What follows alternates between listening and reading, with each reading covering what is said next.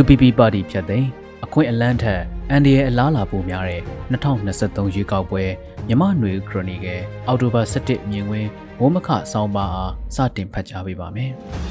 2012ခုနှစ်နောက်ပိုင်းကနေ2018လောက်အထိ NLD ခေါင်းဆောင်ဒေါ်အောင်ဆန်းစုကြည်နဲ့နှီးကပ်တဲ့ဆက်ဆံရေးရှိခဲ့တဲ့စစ်ဗိုလ်ချုပ်ကြီးဟောင်းဦးသူရရွှေမန်းရဲ့ပါတီဖြစ်တဲ့ပြည်ထောင်စုကောင်းကျိုးဆောင်ပါတီကိုဖျက်သိမ်းဖို့လှုံ့ဆော်နေတယ်လို့ဒီနေ့သတင်းတွေထဲဖတ်ရှုရပါတယ်။လာမယ့်နှစ်မှာ စစ်ကောင်စီကလုံမဲ့ရွေးကောက်ပွဲမတိုင်ခင်မှာဦးသူရရွှေမန်းကသူ့ပါတီကိုဖျက်သိမ်းဖို့ဆုံးဖြတ်လိုက်တဲ့သဘောဖြစ်ပါတယ်။သူရဲ့အသက်အရွယ်အရနဲ့အခြားအကြောင်းတွေကြောင့်လို့ဖော်ပြရေးသားနေကြပေမဲ့နိုင်ငံရေးခြေနေအရ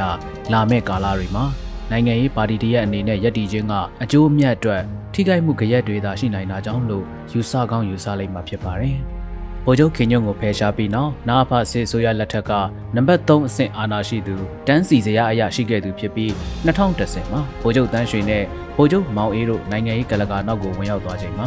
ဦးတန်းရွှေကသမရရာသူကိုသူ့နောက်ကတန်းစီစရာမှရှိသူဦးသိန်းစိန်ကိုရွေးချယ်ပေးရခဲ့ပြီးသူကတော့ပြည်သူ့လွှတ်တော်ဥက္ကဋ္ဌအဖြစ်နဲ့သာ2010ကနေ2015ခုနှစ်အထိတာဝန်ပေးအပ်ခံခဲ့ရတာဖြစ်ပါတယ်။သူ့ရဲ့ပြည်သူ့လွှတ်တော်ဥက္ကဋ္ဌတပ်တန်းအတွင်း ကြားပြတ်ရွေးကောက်ပွဲဝင်ပြီးလွှတ်တော်ထဲဝင်ရောက်လာခဲ့တဲ့ NLD ပါတီခေါင်းဆောင်တော်ဆန်းစုကြည်နဲ့နိုင်ငံရေးအရနှီးစပ်တဲ့ဆက်ဆံရေးကိုနှစ်နှစ်ချီပြီးရှိခဲ့တာဖြစ်ပါတယ်။2018အကုန်ပိုင်းမှာတော့သူရဦးရွှေမန်းအနေနဲ့နိုင်ငံရေးပါတီတည်ထောင်ဖို့ဆုံးဖြတ်ခဲ့ပြီး2019အစပိုင်းမှာပါတီတည်ထောင်ဖို့ပြင်ဆင်ခဲ့တဲ့နောက်ဒေါအောင်ဆန်းစုကြည်နဲ့ဆက်ဆံရေးဝေးကွာသွားတာတွေ့ရပါတယ်။ဒေါအောင်ဆန်းစုကြည်အနေနဲ့ဦးရွှေမန်းရဲ့အကူအညီကိုယူပြီးတက်ကိုစီးရုံမဲ့အရေးကိုတက်ချုပ်ဖြစ်နေတဲ့အင်းအောင်လိုင်းစိုးရိမ်ခဲ့တယ်လို့အစင်တစိုက်စောင့်ကြည့်နေခဲ့တာလည်းဖြစ်ပါတယ်။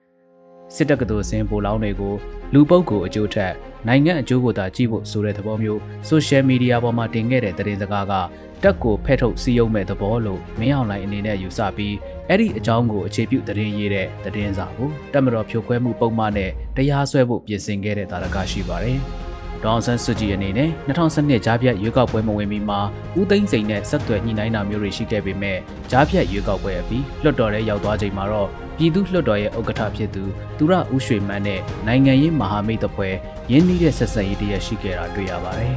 ။သူရဦးရွှေမန်းကလည်းလူလူထောက်ခံမှုအများဆုံးရတဲ့ NLD ပါတီရဲ့ခေါင်းဆောင်နဲ့ပူးပေါင်းပြီးနိုင်ငံရေးနေရာတစ်ခုအရေးပါတဲ့တာဝန်တစ်ခုကိုရရှိနိုင်မလားဆိုတဲ့ရည်မှန်းချက်ရှိကောင်းရှိခဲ့နိုင်ပါတယ်။ 2015ခုနှစ်ဩဂုတ်လတကောင်ရဲ့အာဏာသိမ်းမှုလို့မီဒီယာကတင်စားခေါ်ဆိုကြတဲ့ကြံ့ခိုင်ရေးပါတီမှာယာယီဥက္ကဋ္ဌကိုယာတုမှဖယ်ရှားခဲ့တဲ့အဖြစ်အပျက်ဖြစ်ပြီးနှစ်ရက်ကျော်အကြာလွှတ်တော်တက်ရောက်တဲ့ရက်မှာလွှတ်တော်ဥက္ကဋ္ဌဖြစ်သူဦးရွှေမန်းကတကောင်ရဲ့အာဏာသိမ်းမှုနဲ့ပတ်သက်ပြီးသတင်းမီဒီယာတွေနဲ့တွေ့ဆုံရမှာ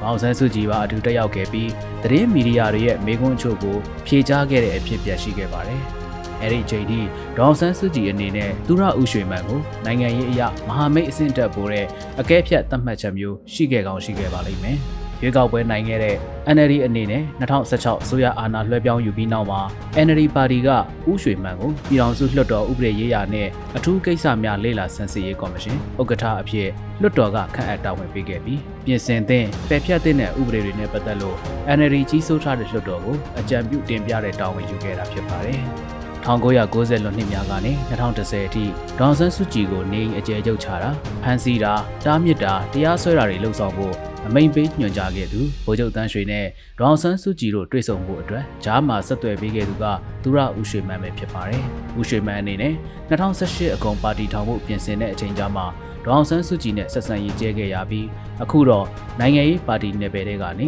ယာယီသို့မဟုတ်အပီးထွက်ဖို့ဆုံးဖြတ်လိုက်တာလည်းဖြစ်ကောင်းဖြစ်နိုင်ပါတယ်။ ခြုံငုံသုံးသပ်ရရင်လာမယ့်2023ရွေးကောက်ပွဲဟာကြန့်ခိုင်ရေးကလွယ်ပြီးကျန်တဲ့နိုင်ငံရေးပါတီတွေအဖို့အခွင့်အလမ်းဆိုတာအထက်အန်ဒီရဲ့ကြားရောက်နိုင်ခြေများတဲ့အဖြစ်အပျက်တစ်ခုလို့ယူဆကောင်းယူဆကြမှာဖြစ်ပြီး